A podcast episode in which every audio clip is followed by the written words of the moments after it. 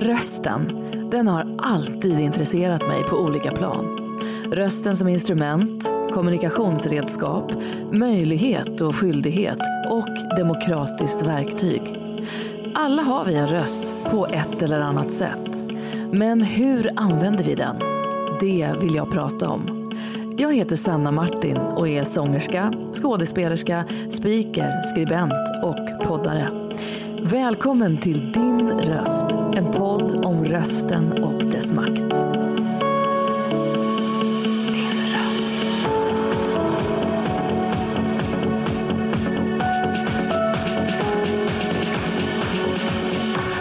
Din röst. Nej men vad sjutton, eh, ska vi bara börja då? Det gör vi. Ja, men det är en stor glädje att säga välkommen till min podd Din röst, Annika Sundin. Kanske mer känd som den personen som ligger bakom kontot Medveten i stan på Instagram. Ja, tack så mycket. Superkul att träffa dig. Verkligen. Vi sitter i mitt kök en eh, mycket krispig och kall eh, november, tisdag. Nej, onsdag är det för sjutton. Jag hör ju själv. Herregud. Sista onsdagen i november denna höst. Var schyssta med varandra. Någon har kanske börjat med maten och någon har börjat inom ett annat område. Och det viktigaste, se till att dina medvetna val inte stannar hos dig. Berätta för andra vad du gör. Vi måste bli många. Många som gör tillräckligt mycket, inte några få som gör allt i vår makt. Detta är ett citat som är från en intervju med dig i Allas eh, häromåret. Eh, och detta är ju liksom mycket det vi ska prata om såklart, ditt engagemang kring hållbarhetsfrågor. Hur startade det, det engagemanget? Det var när jag var gravid med min första dotter, 2008.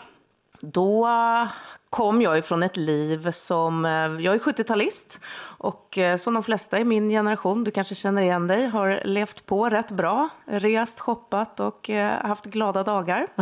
Och jag skaffade barn ganska sent. Och ja, vi hade haft många år tillsammans, jag och min man, och eh, levt gött, om man säger.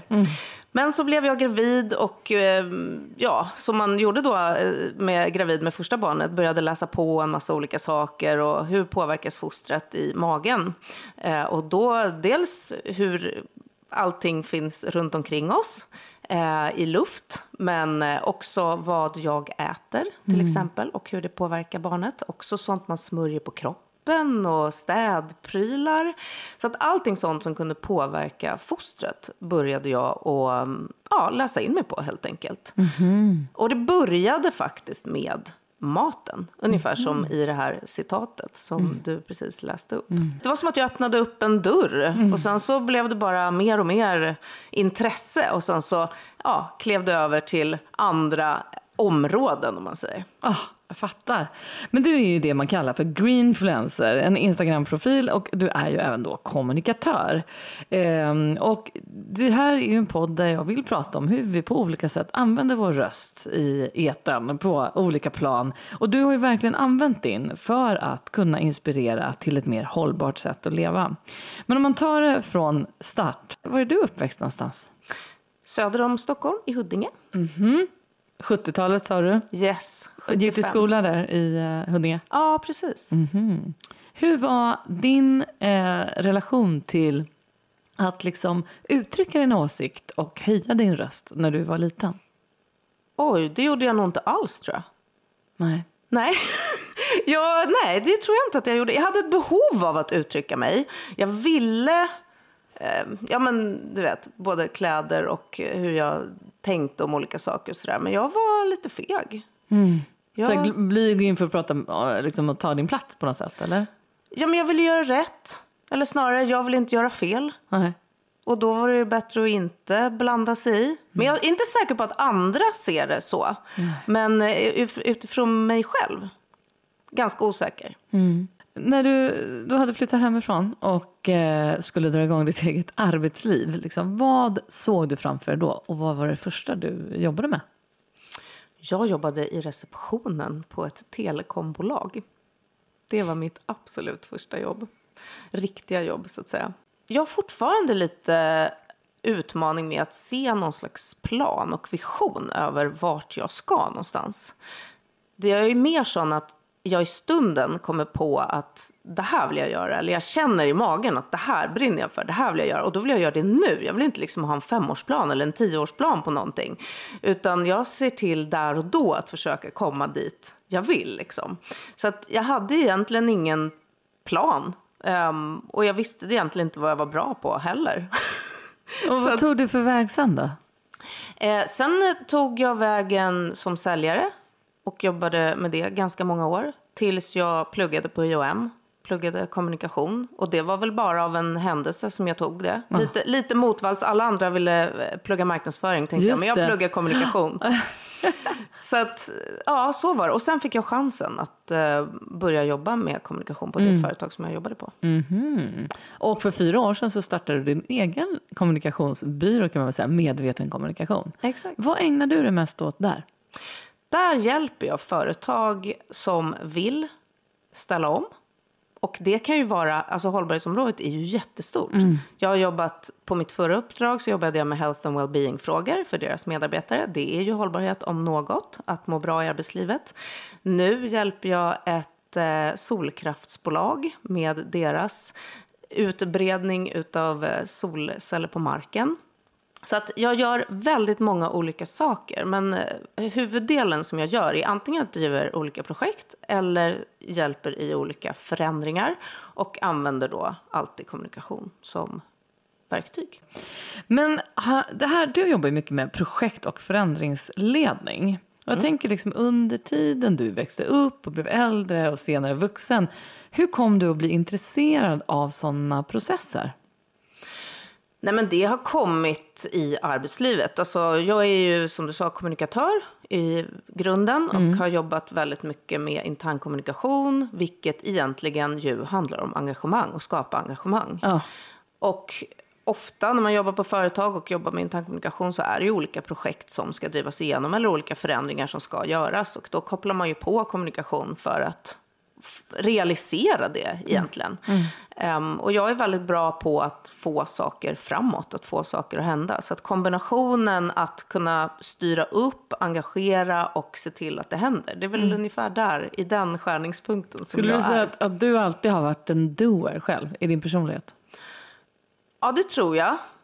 Men det är väl lite late bloomer där också på något sätt. Alltså, mm. Det var väl pusselbitarna föll kanske på plats när man hade flyttat hemifrån och komma upp över 20-årsåldern någonstans. Men det är ju en ständig utveckling. Det är precis som hållbarhet. Allting utvecklas hela tiden. Man mm. kommer på vad det är man är bra på och så gör man mer av det. Ja, just det. Det blir lite roligare då.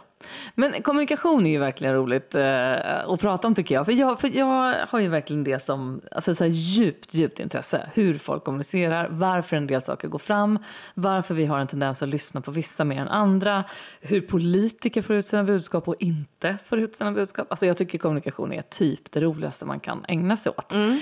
Men det har ju verkligen seglat upp som också en vad ska jag säga, en liksom superskill hos eh, ledare. Där man liksom måste väga in kommunikationen i allt man liksom vill komma åt. Hur tror du att vi kan implementera liksom god kommunikativ förmåga eh, lättare för folk som är ledare? Men allting börjar ju med att man måste ha ett intresse för andra människor.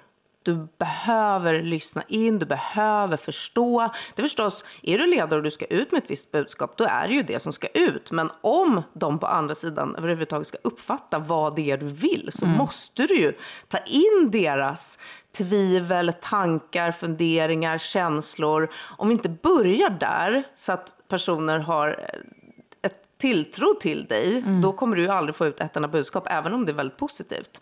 Så att intresse för andra, där måste det börja. Och det behöver vara genuint. Mm. Gud ja. Annars kan man ju inte liksom få med sig folk på tåget heller. Nej, om man är ledare exakt. och ska liksom få med sig en grupp åt ett håll. Nej, totalt superviktigt. Men mitt intryck av dig, det har ju jag endast fått via Instagram. Att mm, vi har följt varandra under en tid. Och eh, att du har ju verkligen, som jag nämnde, använt din röst för att liksom hitta hitta ett tilltal så att fler vill vara med och utveckla samhället i en bra riktning för vår miljö, vårt klimat etc. Mm. Eh, jag upplever att hela din ton är väldigt liksom fri från pekpinnar och att det är lustdrivet, att du känns som en positiv röst i den här debatten. Men hur tycker du att den, den balansen är? För att det är ju det här jag tror ibland kan vara problemet när vi pratar om hållbarhet och vad vi alla som individer kan göra. Att det så lätt blir liksom en skamgrej, en skamton. Hur tänker du när du vill engagera andra? Nej, men det är ju samma sak där. Man måste ju tala till folk så att de tycker att det är intressant. Vem sjutton vill göra någonting som är tråkigt och, och trist? Mm. Det, det, behöver ju vara någonting som engagerar, någonting som känner att okej, okay, jag är också viktig. Mm. Att, att inte gå i den här inrutade tanken som jag sa egentligen i skolan, att det ska vara på ett visst sätt. Utan här, vi har ju hur många olika val som helst att ta. Ah. Så att börja någonstans och vi kan alla inspirera varandra.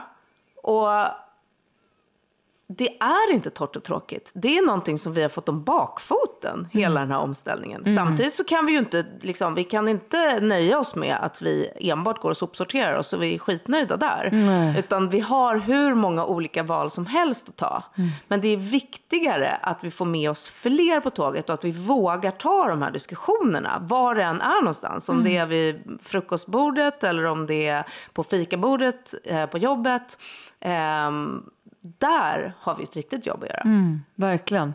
Ja, det här ska vi prata mycket, mycket mer om. Um, om man ska bryta ner begreppet hållbarhet. Det är ju ganska lätt att slänga sig med det idag. Jag upplever liksom att det är ganska olika färg på det ordet beroende på vem som säger det kan man säga. Vad är hållbarhet för dig?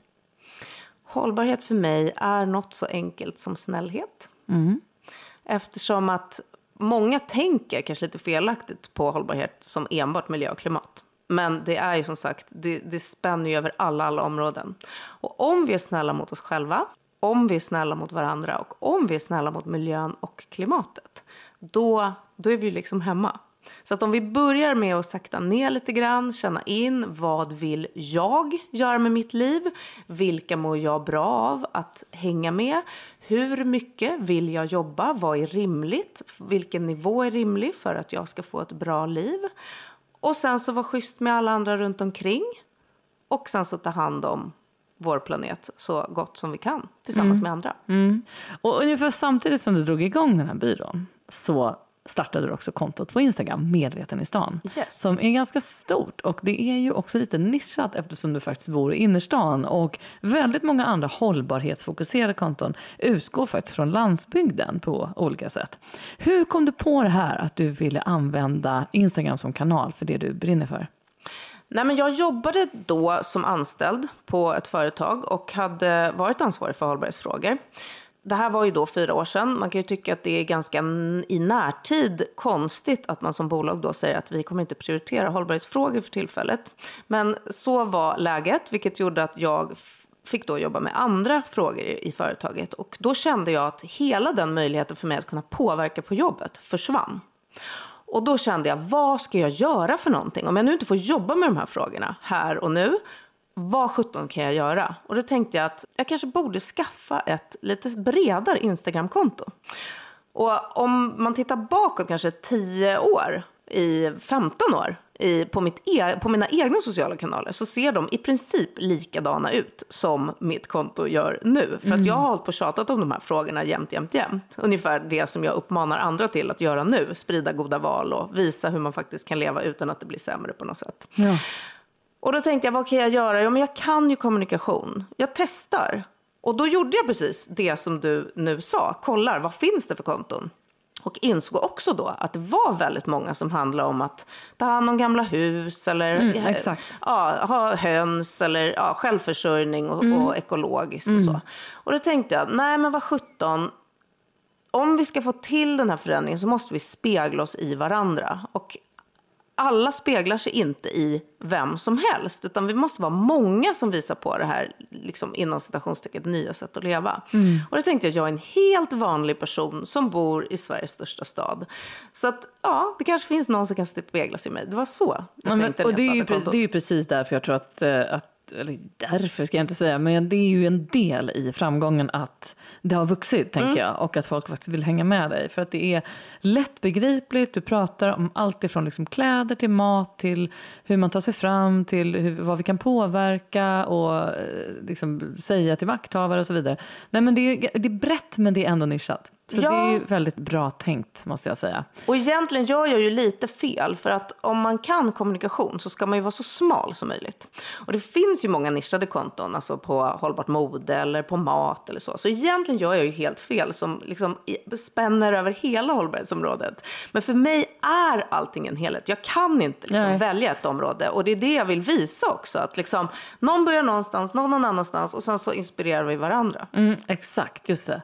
Men hur ser ser liksom attityden till hållbarhet, om vi tittar på det breda då, ut tycker du? När du liksom eh, kommunicerar med dina följare eller med dina uppdragsgivare till exempel. Hur tycker du liksom attityden och inställningen är idag till att vilja förändra, till eh, om det är svårt eller till att man inte liksom kanske vill förstå? Eller hur, hur upplever du det?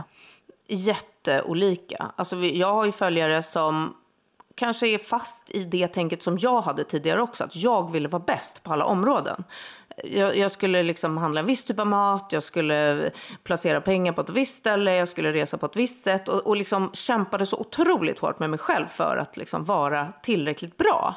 Så där är ju folk, jag brukar säga på skämt liksom att en del tar knappt skituspapper längre för att åh, det är så dåligt att liksom hålla på och eh, använda hur mycket papper som helst. Så att, men det är inte där det är inte där vi ska vara, utan vi ska vara tillräckligt bra och få med oss fler. Så att dels är det ju de som är helt utåt i den kanten. Och sen kan det ju vara de åt andra hållet som tänker att det hittar på. Mm. Eh, de personerna möter jag väldigt sällan på mitt konto. Och det ska jag säga att, att det är så fantastiska människor som följer mig som är liksom Ja, men man vill göra bra liksom, ja. på olika sätt. Men kanske, och, och också det är en väldig bredd på personer som följer. Och det är unga och det är äldre och det är i och för sig mest kvinnor. Eh, men det är också det där på tal om att spegla, man speglar sig i någon som kanske är mer eller mindre lik en själv.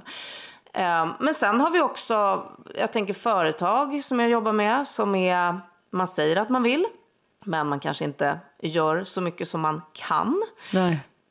Man gör så mycket som man tror att det förväntar sig, men man vågar liksom inte. Jag vill se fler företag som bestämmer sig för att det här, den här nivån, dit ska vi. Och sen så gör man det. Man mm. testar. Mm. Man testar nytt. Inte så här, det här säger lagkravet, så då följer vi det. Eller så här gör de andra, då gör vi det. Utan se till att göra något på riktigt. Liksom. Ja, just det.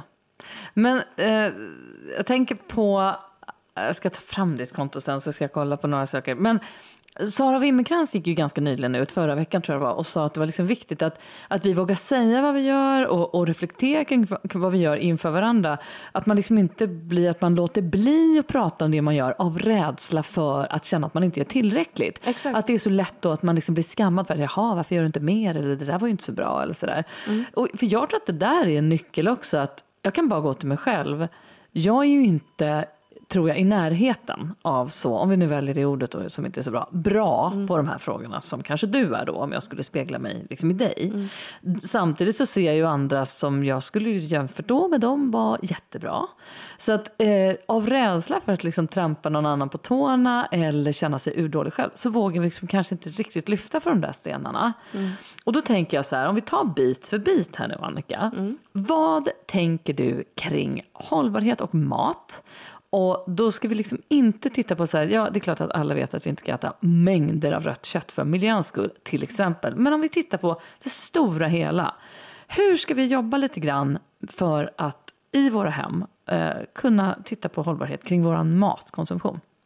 Ja, en av de enklaste sakerna är ju köp inte för mycket mat. Just det. Där kan vi börja. Handla inte för stora kassar och låt dem bli gamla Exakt. i, liksom redan och i hallen. Och lukta på maten och, och, och, titta på den och, och liksom se, alltså använd det du har. Det skulle jag säga är det absolut bästa. Hur bra är du på det där själv? Typ så om du drar ut mina lådor här nu och tittar så här, ja, kan vi laga det här ikväll? Så här, är du bra på det där?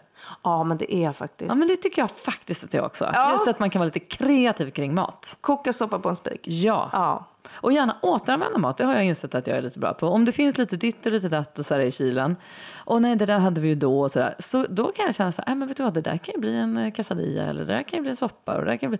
Så att, att man kan vara lite mer vågad kring att vara kreativ med mat. Ja, och, och jag, menar, det, jag. jag. tycker inte att vi ska tänka på den här frågan som svart eller vit. Nej, Nej. du får aldrig mer äta kött. För det Nej. blir ju liksom, det blir ju en, då är det återigen till det där med skolan med den här rutan. Du ska in i den här rutan. Vem, vem vill vara där Nej, liksom? exakt. Så att, det är klart att vi ska äta mindre kött, men vi kan äta 50-50. Nästa gång du gör köttbullar, för många gör det, eller köttfärssås, Mm. ha 50-50 med något växtbaserat. Jag lovar, ingen kommer känna skillnad, men det gör jättestor skillnad. Ja, det är himla bra eh, liksom in, inställning. Att det behöver inte vara 100% ditten och datten. Och sen ut med det till någon annan. Just Berätta, det, säg, så här, att har det jag går. gjort. Ja. Ja. just det. Ja, men det där är super, super kul. För det kan jag verkligen bli triggad av. När jag ser någon som bara säger ja, eh, då hade jag det här, så lagade jag det här. Och om man tittar på matbiten. Jag kan bli jätteinspirerad av det när jag ser bilder eller en rolig text kring hur någon så här, tänkte kring någon rätt. Som de aldrig hade lagat och som blev jättegod. Liksom. Det är rätt roligt att inspirera varandra kring det. Och sen kan man ju säga också, jag började, och jag har inte gröna fingrar, så kan man säga. Men eh, vi byggde ett växthus på landet, återbrukat material förstås. eh, och jag har börjat odla. Och då får man verkligen respekt för mat. Hur mycket tid, energi, vatten, jord som går åt för att få den där gurkan eller mangolden eller vad det nu är för någonting. Så jag tror att vi är för långt ifrån naturen. Mm. Vi behöver liksom koppla tillbaka oss till, vi går bara in och köper ett plasttråg med kött liksom. Mm. Vi har inte den där kopplingen till vad är detta? Just det, hur kommer detta till mig? Ja. Vilken väg tog det här? Nej, jag Exakt. förstår. Jag är med. Mm. Då får vi uppmana alla så här, i stan, alla så här, hyresföreningar och bostadsrättsföreningar. Absolut. Sätt lite pallkragar på gården eh, etc. Det ja, går ju faktiskt. Det, är går ju. Mm. väldigt mycket ytor på gården som inte används. Ja, men det, där, det diskuterar vi nu nämligen här. Ja, perfekt. Om vi skulle kunna göra någonting. Och det är ju en jättestor skillnad. Och då Verkligen. kanske man möts där nere, grannar och pratar och börjar dela saker mellan varandra. Ja, men det är jättekul, verkligen. Den här podden görs i samarbete med Vicky Nöjesproduktion och To Entertain. Två av Sveriges största nöjesproducenter som förser oss med möjligheter att få stora upplevelser på olika scener runt om i Sverige och inte minst i Stockholm. Under årens lopp har jag fått använda min röst på en del av deras scener och i tider som våra så tror jag verkligen att vi kan behöva bli underhållna. På Oscarsteatern spelas just nu Änglagård, en ny svensk musikal med bland annat Helen Sjöholm och Tommy Körberg. Och på Kinateatern kan vi uppleva den fartfyllda musikalen Moulin Rouge med musik av bland andra Lady Gaga och Elton John. Båda dessa kritikerrosade föreställningar har nu förlängt sina spelperioder, så varför inte köpa en biljett redan idag eller kanske ge till någon i julklapp? Det finns även annat att välja på. Vad sägs om Kulturbärarna på Södra Teatern med Andreas T Olsson eller Bröderna Lejonhjärta på Intiman? Det finns även andra föreställningar att kolla in på showtick.se och det är ingen dålig julklapp. Tack Vicky Nöjesproduktion och To Entertain för att ni stöttar den här podden. Men om vi, om, går vi över då till själva hemmet. Hur tänker du kring eh, vår möjlighet att, om man sitter och lyssnar nu och tänker så här, oh, jag är helt värdelös, jag har inte något som är second hand hemma, jag eh, använder inte alltid mina skåp, jag vet inte vad jag gör med elen här hemma och jag tvättar och diskar och vatten och hej och hå. Hur ser du på hela den miljön? Vad är det första vi kan kika på kring hållbarhet i våra hem? Men jag tycker att det är viktigt med sånt som kanske inte syns, precis som du sa, el. Där ska vi ju bara göra ett aktivt val. Absolut. Och då har man tickat den boxen. De har gjort det. behöver man inte göra så mycket mer just där. Mer än att ja, se, se till att inte lamporna står på och duscha hur länge som helst. Och Hur ser så. ditt eh, egna aktiva val ut? Ja, alltså utmaningen är ju... Jag får ju inte in grön el i... Alltså el funkar ju som ett stort badkar med en blandning utav eh, kraft som finns. Ja. Eh, men ju fler som väljer grönt, desto fler... Desto mer grön el kommer ju att tillföras till systemet. Så att ja, det har jag valt förstås. Mm. Ja, och våra möbler och liksom vår inredning då? Vad, hur, hur ser det ut själv hemma hos dig? Liksom? Vad, är det mycket second hand i inredningen? Alltså förutom sängarna så skulle jag säga ja, men allt. Alla, alla, all lös inredning är second hand.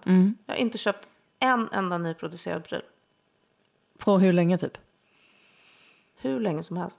Men det där är roligt. Många år. Innan du skulle komma så gick jag runt här och tänkte eh, jag har nästan blivit sådär, eh, speciellt om det är på landet. Vi har ett hus i Bohuslän där vi bland annat i somras byggde om ett vedförråd till en liten friggebod. Där blev det nästan som en sport för mig. Det var, det ska inte komma in en ny grej här. Det är liksom, och då var det ju hur mycket Blocket och Marketplace och ärvt och lånat och fått som helst. Eh, som blev jätte, jättebra. Och här hemma är det faktiskt rätt mycket som är liksom ärvt eller flyttat med från liksom hem tidigare givetvis. Det är ganska lite som är, är sprillans. Eh, men som du säger, sängar, soffa. Eh, men ganska mycket som absolut inte behöver vara det. Och jag har en nära kompis som flyttade för inte så många veckor sedan. Som var så åh jag skulle vilja ha det här typen av matbord. Ja, men så hittar vi det second hand. Alltså det går ju verkligen att söka på ett effektivt sätt idag. Och göra smarta val. Ja, och det finns hur mycket som helst. Men jag tror att många som kanske inte är inne, på tal om sport. Det här är mitt liv. Det här Ja. är min sport. Ja. Jag älskar att göra fynd och jag blir så här otroligt överlycklig. Så jag är så nöjd att jag har den här plattformen som jag verkligen Ja, kan det dela. otroligt roligt. Men det, behöver ju inte vara en greenfluencer för att göra. Nej, du kan ju ha, inte. vad har folk liksom, 100-200 kontakter på Facebook och Instagram. Mm. Men visa upp och visa gärna var du har handlat någonstans. De här små bolagen som försöker liksom hanka sig fram, som jobbar med cirkulära affärslösningar. Se till att hjälp dem Mm. och visa också andra att okej, det här är ett bra ställe att gå till. För Ja. jag kan ju uppskatta att gå och riva i någon slags fyndlåda. Mm. För det här är min hobby Just det. alla gör inte det och alla har inte den tiden. Nej. Och det ser olika ut över tid också vad man har tid och möjlighet till att, att göra. Det här blir lycka för mig. Så, Mm. Ja, att, jag, så att jag går gärna eh, på allt möjligt. Men tipsa om var, var, var du har varit någonstans. Så Mm. att andra kan känna att aha okej, det där dit kanske jag vågar gå. och, Mm, verkligen. ja, och jag märker ju det på mitt konto. Ibland tänker jag att jag bara pratar för frälsta. Mm. Men jag gör inte det. För som sagt, någon har börjat någonstans, någon har inte börjat någon annanstans. Kanske skitbra liksom på hur man tänker kring mat eller Mm. transporter. Men har inte alls börjat med liksom kläder och inredning eller tvärtom. Ja, precis. Just det. Och det känns ju som att eh, vi... Alltså, jag, en, en av de absolut bästa grejerna som jag insåg när vi flyttade hit, det är sex år sedan nu. Eh, alltså lampor på second hand. Eller lampor på Blocket Marketplace eller liksom ute. Det är ju, det finns ju typ precis allt. Du kan liksom verkligen vara pinpointa ett namn på en designer eller lampa eller någonting. Så finns det ju för en tredjedel av priset. Nästan jämnt liksom. Eh, så vissa saker känns ju så här, varför har man inte alltid handlat en del grejer second hand? Eh, det, är jätte, det är spännande att prata om verkligen. Men om vi går till det vi har på oss då. Eh, så tänker du såklart också återbrukas, det vet väl alla som följer dig. men eh, om man till exempel aldrig liksom har handlat second hand och känner lite så här, nej men gud, är det fräscht? Hur tänker du då? Ja, men då tänker jag att man ska ta sig till eh, någon av de här butikerna som faktiskt är kurerad second hand. Som numera ligger på fina gatan på A-spot. Som dessutom är öppet på lördagen, ibland även på söndagen. Och även lite längre på vardagar. För utmaningen har ju varit att du behöver liksom ta dig till någon eh, förort och kanske någon stor hangar och, och stå där och rafsa och riva. Men det är ju inte så längre. Nej. Så att det, det tycker jag att man ska göra. För där är det ju någon som redan har gjort jobbet åt dig. Det är ju nästan som en helt, om man nu säger vanlig butik. Jag hoppas att vi inom kort kan tycka att cirkulära butiker är de vanliga butikerna. Men det är faktiskt någonting som hänt. Jag, jag gjorde den spaningen för några år sedan. Att de här butikerna behöver få plats. Och ja, det har blivit så nu. Och generationen under oss, både du och jag har tonårstjejer, de är ju vassa på detta. Just kläder är de ju grymma på. Ja, väldigt tycker jag. Verkligen. Och det kom inte nu. Det kom för liksom rätt många år sedan upplever jag. Och jag upplever också att de har ju verkligen det här tänket att så här, eh, de lånar av varann konstant, Ja. byter med varann. Nej, jag använder inte det här. Ta den du. Ja, men då tar jag den där. Jättebra. Det är någonting där. Sen har jag turen att ha tjejer som, det skiljer fem år på våra tjejer, men de har samma skostorlek och så här. Så det är superbra att de kan liksom ta Jag lite gillar av också att varandra. mina blivit lite större så man kan dela här. Ja, men eller hur? Men allting handlar ju lite grann också om att bryta ett invant beteende. Ja. Om man inte är van vid att tänka så här, eh, då ändå, ja, vad är det liksom bästa tipset du kan ge för att vi ska liksom börja kika åt ett annat håll? Men ta rygg på någon då som du vet faktiskt är en, är en person som väljer second hand i första hand och så hänger du på hen. Eh, jag vet, jag har flera jag brukar alltid gå till Hötorgsloppisen på söndagar. Och då har jag flera kompisar som gud jag måste få gå med dig någon gång. Ja men absolut, häng på. Vi svenskar är ju jättebra på att skänka till second hand. Men ett tips är ju då att när du väl är där och skänker dina saker, stanna och dra en lov i den butiken och se vad du kan hitta där. För vi är bland de bästa att skänka, men bland de sämsta att köpa.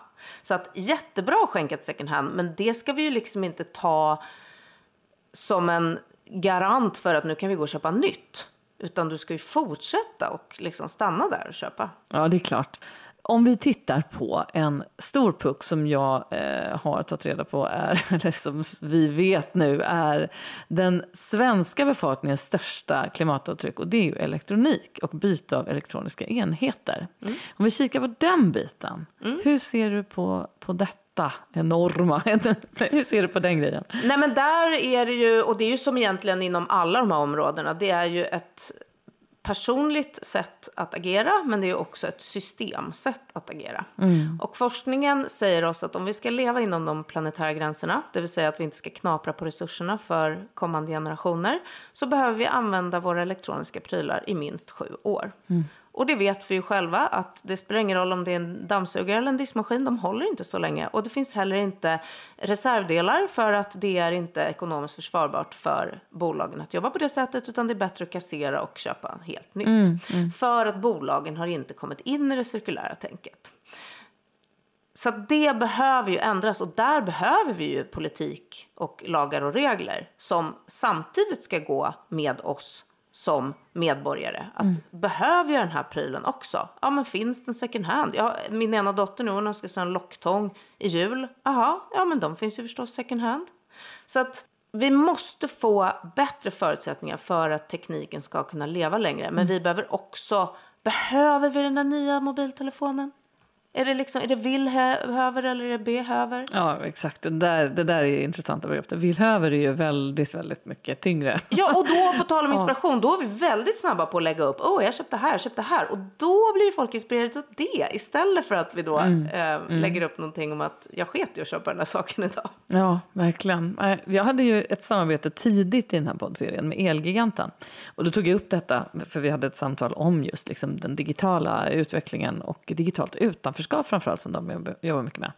Eh, Men då, då berättade ju de också att liksom, de tar ju också hand om gamla enheter och liksom gör mycket med när folk måste byta. Så så att, men det finns ju ofta en ganska stor kreativitet upplever jag. Och både hos liksom en del större bolag men också faktiskt då i de som liksom startar, ja, vad heter det, Swappy till exempel. De här, eller det, alltså det, exakt, och, att det, och jag menar inte som du var inne på alla de här second hand-butikerna som verkligen är schyssta butiker nu, i, kanske framförallt här i Stockholm då, men det finns absolut på andra orter också. Eh, där det har hänt lite grann i sättet att jobba cirkulärt. Jo, men och det måste ju bolagen våga testa. Visst, också titta på varandra och se vad faktiskt som redan har funkat hos andra. Det finns ju jeansmärken som eh, inte säljer tio par jeans utan säljer ett par jeans och lagar dem tio gånger. Eh, det finns de här bolagen som kör refurbished på, på teknik och det är ju samma sak där. Då kan du ju också sälja prylen flera gånger eller sälja reparation. Så det gäller ju att man ändrar sin affärsmodell.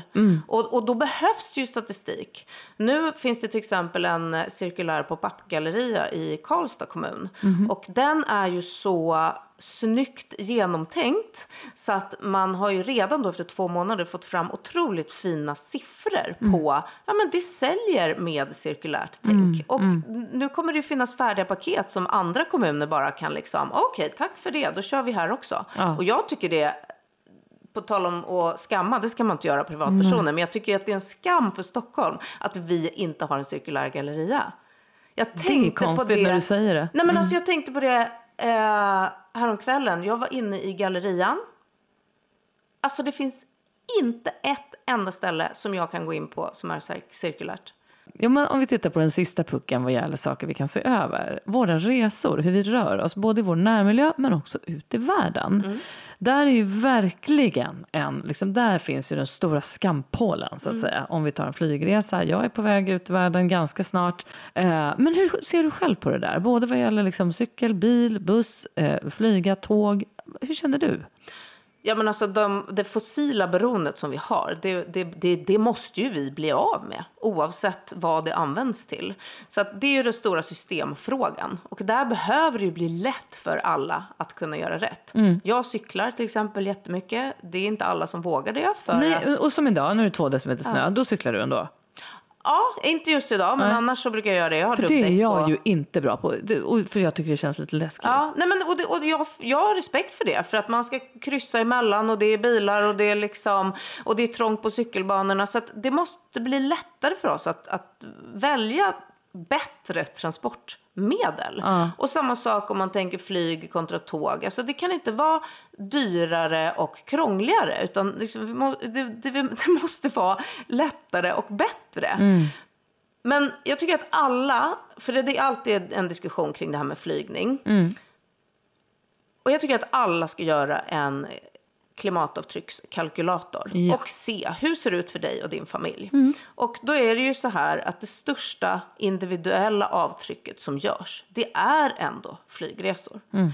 Sen tycker inte jag att man ska shamea och man vet aldrig, bara för att någon flyger någon gång, den kanske inte har flygit på jättelänge till exempel.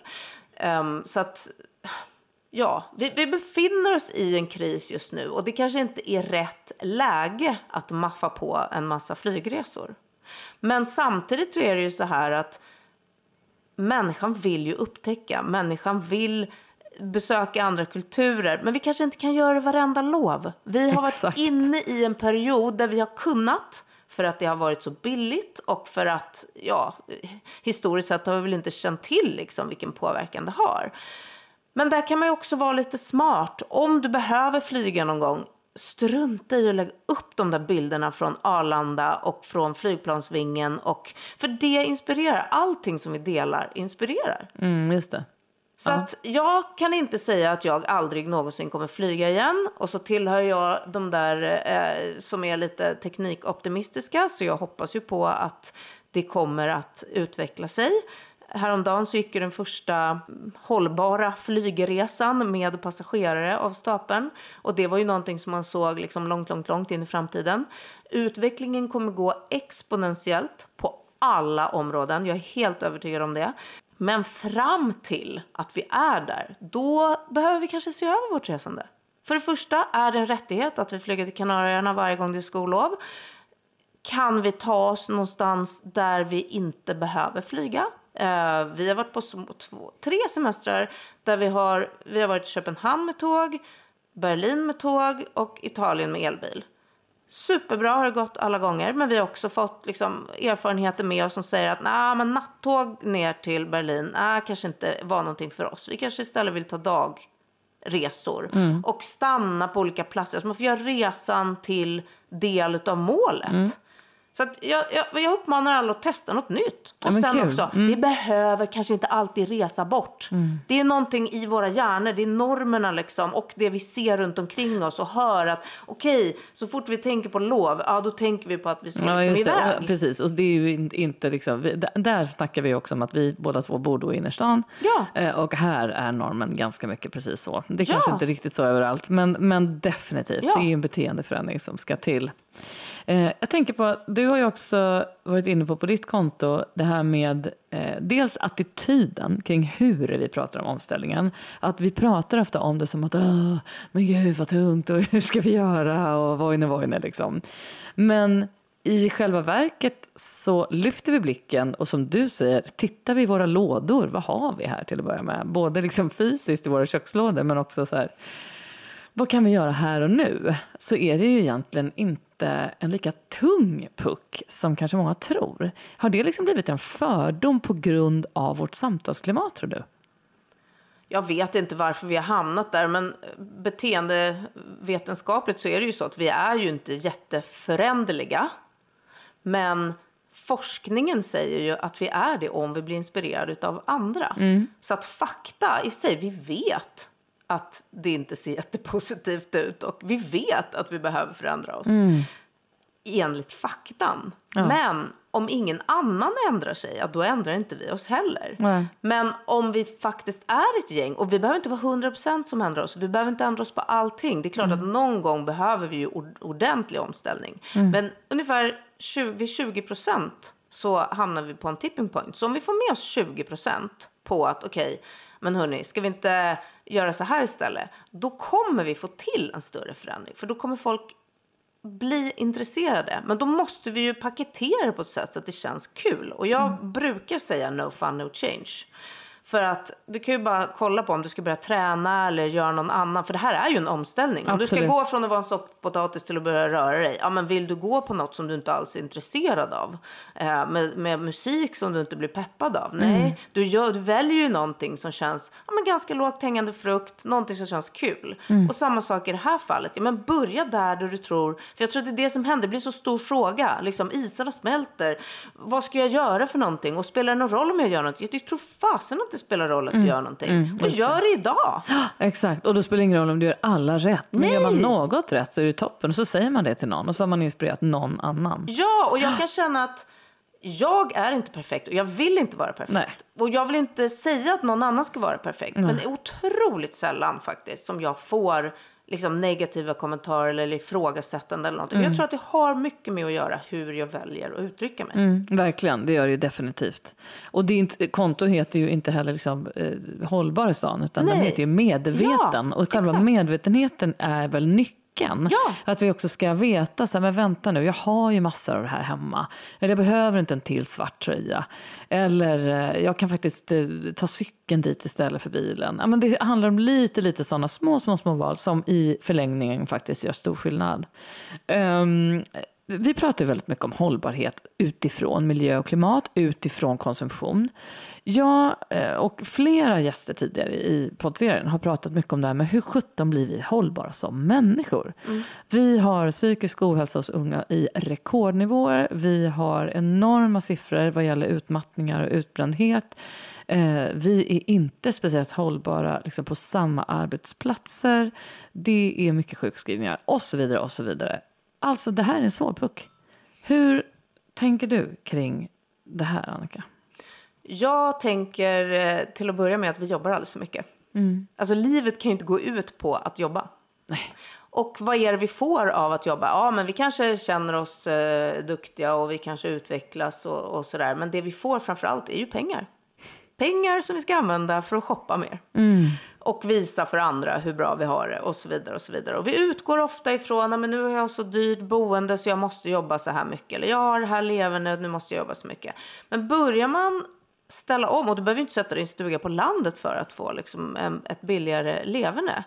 Men jag tycker istället man ska utgå ifrån, okej, vad behöver jag för att kunna leva ett mer liksom, vettigt och, om man nu ska slänga sig med det ordet, balanserat liv? liksom. Ja, just det. Precis. Men det, jag, när jag startade min konsultfirma så ville jag hitta en anställning på deltid.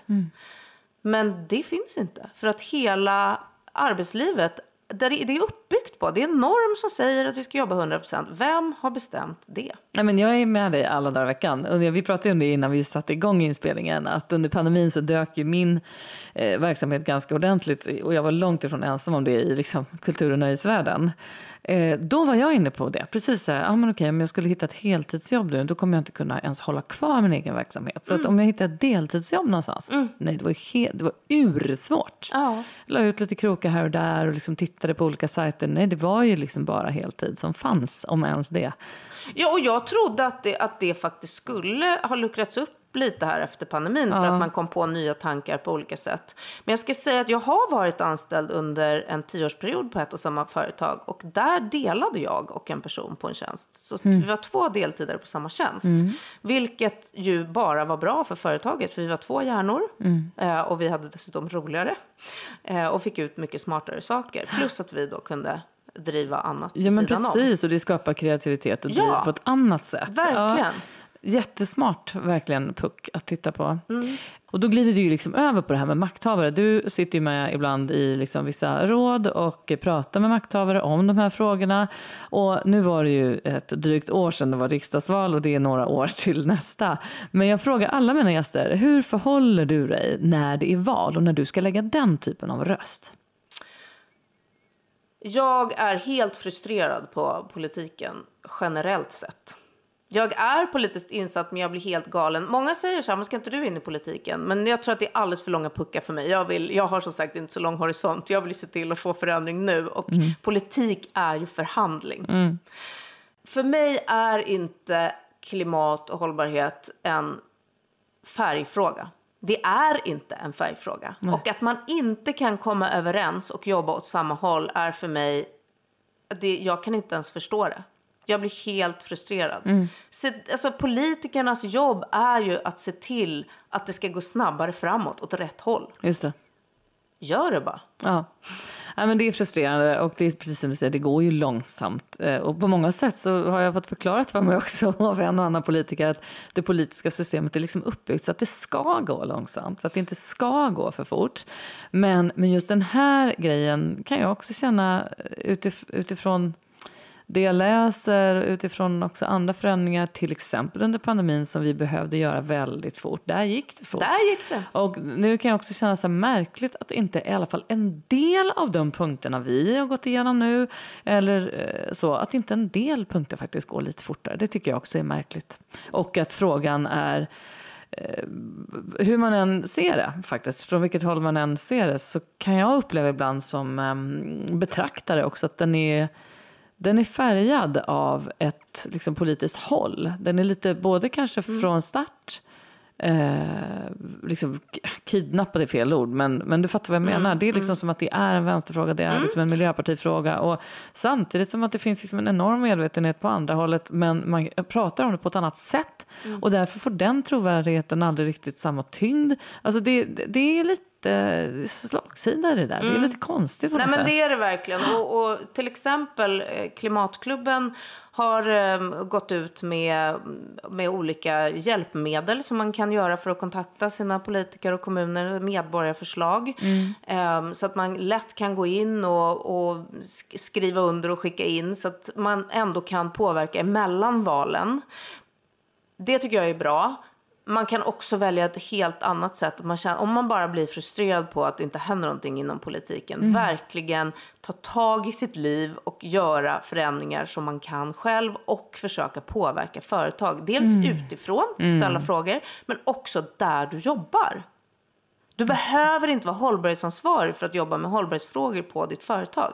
Det finns inget företag som inte är intresserad av engagerade medarbetare som vill få till förändring. Mm. Så att liksom ta din kraft. Om du har liksom, energi, ork, idéer, kör på. Liksom. Mm i liksom, den här follan av frustration, av liksom, hållbarhet, hur vi ska orka och så vidare så ska vi glida över lite på ett ämne som vi dessvärre har gemensamt, som vi insåg ganska nyligen.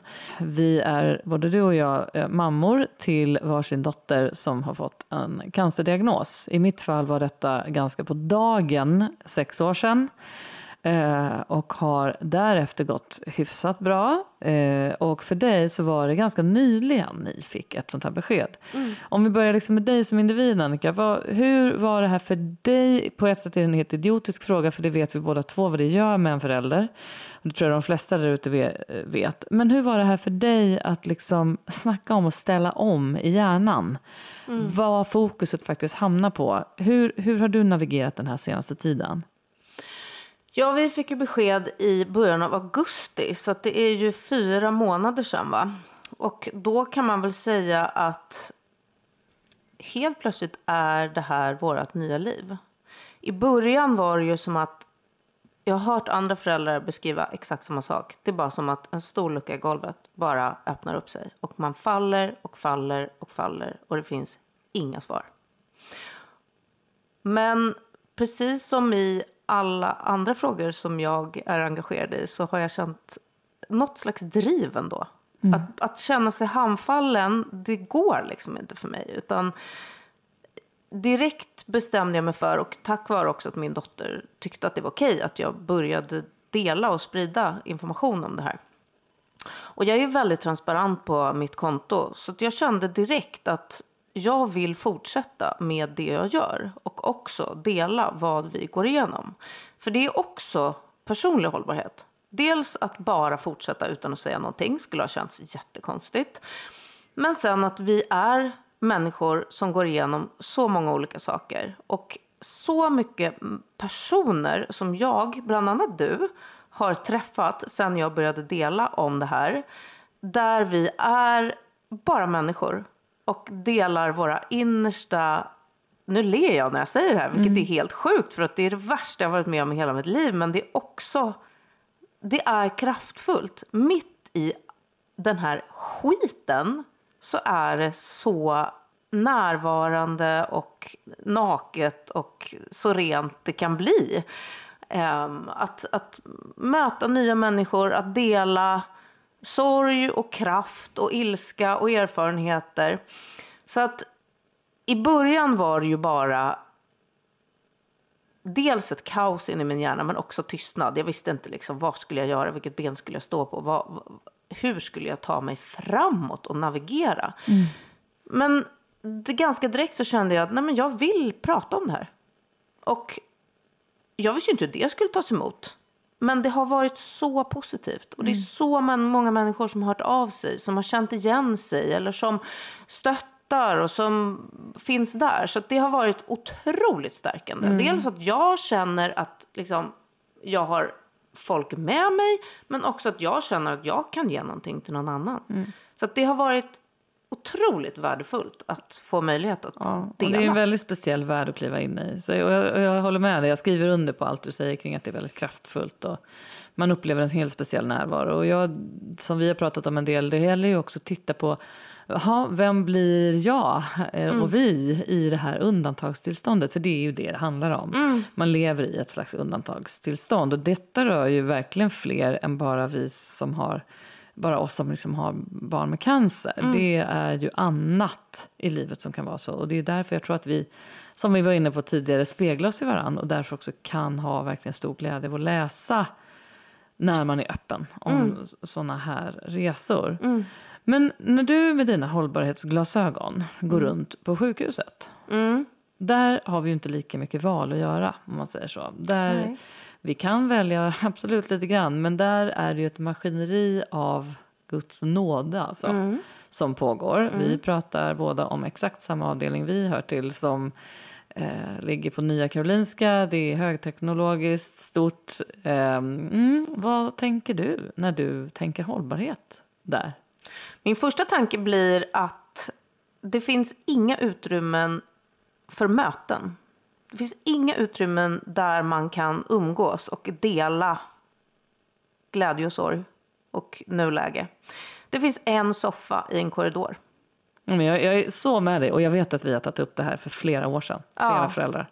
Så det är det ena på tal om hållbarhet. Det andra är att det finns ingenstans att ta frisk luft. Jag vet. Det, jag tänkte att du skulle säga det. För det var ju typ det som vi var ett helt gäng föräldrar som bara vart ska folk gå ut? Och framför allt de som ligger inne hela somrarna. Ja. Nej, det, det, jag förstår Här ingenting. var det någon som byggde Karolinska som inte tänkte sig för. Nej, Nej det, den är otroligt märklig. Och sen tänker jag ju förstås på mängden plast. Det är helt otroligt. Och jag menar, jag förstår ju att det har med säkerhet att göra. Uh, att, att uh, jobba kring cytostatika är, det är allvarligt. Um, och jag kan inte alla säkerhetsrutiner och åtgärder. Men jag menar, min dotter reagerar också på varför, varför ska alla som kommer in i det här rummet sätta på sig ett förkläde fast de står vid änden av sängen? Varje gång. Det är jätteintressanta aspekter. Alltså jag, jag, jag har också tänkt på mängden plast många, många gånger. Ehm, och ställde frågan en gång till en av sköterskorna att, liksom att ni måste ju ha så mycket. Ja, nej, men det är inte klokt, sa hon också. Men samtidigt så har vi aldrig någonsin i något annat land på någon konferens någonstans hört om ett hållbart alternativ. Och då menar man hållbart utifrån då medicinerna mm. och hanteringen. Mm. Har du det? hört talas om någonting som skulle kunna ersätta plast inom vården? Nej, det har jag inte faktiskt. Men, men visst är det superintressant att man liksom, okej, okay, så det här handlar om att välja pest mm. eller kolera mm. liksom. Nej, det är inte så lätt, men det är väldigt bra tror jag att liksom våga lyfta de här frågorna. Och just utifrån det du sa från början vad gäller snällhet, att liksom hållbarhet. Lägger man det i den handen, att det handlar om att vara snäll mot sig själv, snäll mot sina medmänniskor och sin omgivning och snäll mot där vi går omkring på jorden. Mm. Så ja, ibland behöver vi kanske välja våra fighter. Mm. Och det där är också någonting som jag minns och relaterar mycket till vår period under cancerbehandlingen för vår dotter. Eh, hur väljer du dina fighter just nu, Annika, för att må så bra det går personligen? Vissa saker är ju helt plötsligt inte viktiga längre. Och jag tänker att alla måste ju förhålla sig till sin verklighet. Mm. Häromdagen hörde jag någon som högljutt stuck sucka och stonka och stöna och så sa hon till slut, alltså utanför sjukhuset, inte i den världen, som sa att Åh, jag fick precis reda på att någon hade backat på min bil. Och, och liksom, det var som att det var det värsta som hade hänt i hela världen. Mm. Och då tänkte jag bara, men herregud, hur kan hon ens reagera på det? Det är ju inte ens viktigt. Det finns ju verkstäder som kan hjälpa till med det. Samtidigt så var ju det hennes verklighet. Så det går ju inte att säga att inget annat är viktigt för att här går jag och, och är cancermamma. Så att, men, men helt plötsligt är det ju vissa saker som bara inte är, det, det är inte värt att bry sig om. Nej. Nej, och intellektuellt sett så tror jag att det vet alla. Men jag kan ju bara gå till mig själv. Nu är det som sagt några år sedan vi hade själva behandlingen där uppe på plats. Men jag tycker att jag är lika dålig så att säga på jag är skitdålig, jag reagerar ju på skitsaker. Mm. Absolut. Ja, man, och man kommer ju tillbaka man går, igen. Ja, glider in ja. i det där. Mm. Men, men, samtidigt så är det ju verkligen värt att påminna sig om att en, en människas verklighet är otroligt långt borta från någon annans. Mm. Där kände jag, apropå ansvar att liksom använda ens röst, där, jag kände ju det som ett ansvar. Att eh, inte bara att berätta, för det var ju också en avvägning, liksom, vad berättar man och hur? Och att det handlar om ett barn. Eh, jag valde att prata mycket om liksom, min upplevelse. Och och eh, vad det gjorde liksom, med vårt mm, familjemaskineri och liksom, den känslomässiga delen. Eh, upplever du att det liksom är ett ansvar att berätta? Eh, också utifrån det du upplever? Eller är det liksom inifrån dig att du har liksom ett behov av att uttrycka det som händer er nu? Jag har en eh, väldigt nära vän till mig som säger men Annika, det, det är inte ditt ansvar att liksom se till att alla andra är uppsjungna på vad som händer eller så. Och det har hon ju rätt i på ett sätt. Och jag är glad att hon hjälper mig ibland med att inte serva alla hela tiden. Mm. Men samtidigt är jag ju otroligt glad över att det är så många som bryr sig. Så jag vill ju dela med mig. Mm. Så det är ju en liten balansgång i det där. Men ja. jag känner egentligen ingen skyldighet. Men, men väldigt tidigt så började jag att dela eh, för en mindre skara människor som är ja, våra närmaste. Och mm. det var väl egentligen eh, kanske utifrån självbevarelsedrift för att slippa liksom, prata i telefon hela tiden och ja. berätta samma sak tusen gånger. Precis. Så att, men jag upplever att det blir ju en, en närhet när man delar. Mm, exakt. Och jag upplevde det också som att um, det var faktiskt min man som sa precis där i början att när vi fick reda på att det är ett barn per dag i Sverige idag som får en cancerdiagnos. Och det är lite som att ta emot en stafettpinne. Och så håller du den och så kan du liksom bestämma antingen så springer jag iväg med den här och gömmer mig. Eller så, så tar jag den här pinnen och bara går framåt. Mm. Och liksom ska lämna över den här någon gång. Mm. Och det, när vi väl kände det, ja det är fan, det, det, ja, det är mindre dåligt att berätta. Och vi upplever precis det där du sa, att liksom, utifrån att känna mycket folk, inte behöva förklara för varenda människa, så var det bättre att vara öppen. Mm. Absolut. Och eh, nej men det, jag, jag upplever på många plan att jag har liksom reflekterat mig ur den upplevelsen. Liksom... Ja, hade jag inte berättat så hade jag ju inte suttit här med dig idag. Nej, Det är inte. flera andra personer bland annat. Hade vi i och för sig span på vad, jo, vad gällde men den ändå frågan. inte på det här sättet. nej, och jag har nej. fått till mig så himla mycket bra eh, erfarenhet och tankar eh, ifrån dig. Och jag känner att det, för, för mig är det...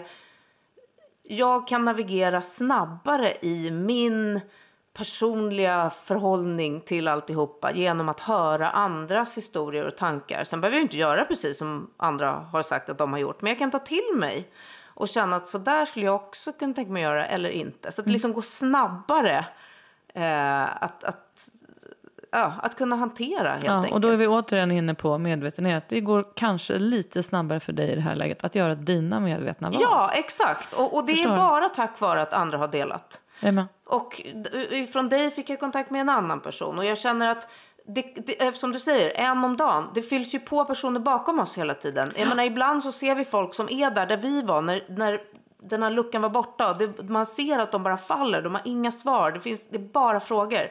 Ögonen är helt liksom, det är hål i ögonen. Eh, och det här är ju då som sagt fyra månader sedan för oss som vi fick beskedet och vi, det här är vardag. Och, och liksom inom stationstecken inga konstigheter. Vi Nej. tuggar oss igenom. Förstås är det ju vår dotter som gör det jobbigaste jobbet. Men det påverkar ju hela familjen. Det gör det absolut alla gånger. Och det är återigen en, ett bevis på hur anpassningsbara vi är. Apropå Ja. omställning Ja. som du pratar om till vardags. Verkligen. Att vi klarar så mycket mer än vad vi tror och det behöver inte alltid vara förenat med en liksom, katastrof att Nej. leva i ett undantagstillstånd eller att ställa om eller att vara anpassningsbar. Det behöver inte vara förenat med någon form av katastrof. Nej, och samma sak där. Alltså, vi kan hjälpa varandra, vi kan inspirera varandra. Jag tar liksom piggyback på dig och andra som är liksom över det här och är på andra sidan. Och sen kan jag mm, göra någonting med det och sen så kan jag ta det till de som är bakom mig. För det är en jäkla stafettpinne som går vidare. Det är det. Du har ju två barn. Vad skulle du säga att du önskar att de får med sig ut i livet från dig? Jag vill att de ska vara street smart. Att de ska känna inåt vad de vill göra, vilka de vill vara med och vilka de vill vara. Det, tror jag man kommer långt på. Riktigt bra svar. Du, du ska få, eh, I vanliga fall så brukar jag ju säga så här, ah, du ska få en fråga från en tidigare gäst. Men Mhm. nu bokade du och jag Mm. den här dejten ganska spontant. Men du ska få en fråga av en kompis till min dotter.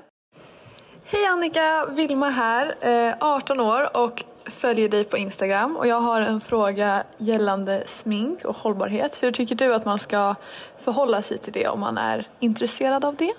Tack så mycket! Ja, men där har du en aktuell fråga från unga tjejer. Hur gör vi med frågan smink och hudvård vad gäller hållbarhet? Ja, och då tänker jag ju osökt på mina egna barn som i och för sig är lite yngre men som blir överösta med att man ska ha hela skåpet och hela sminkväskan helt full. Jag gillar ju egentligen sociala medier om de används på ett bra sätt. Men om jag, eh, jag får inte själv vara på TikTok för mina barn.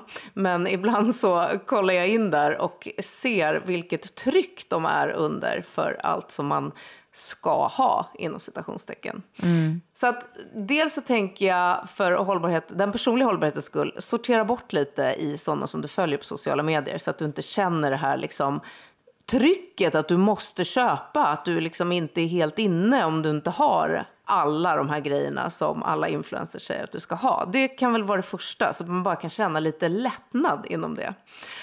Sen tycker jag att man ska satsa på schyssta märken med företag som kan visa upp certifieringar av olika slag och sen använda upp det du har innan du köper nytt. Bra, då skickar vi vidare det. Du, om du fick vara minister, vad skulle du vara för minister och vad skulle vara det första du skulle ta tag i?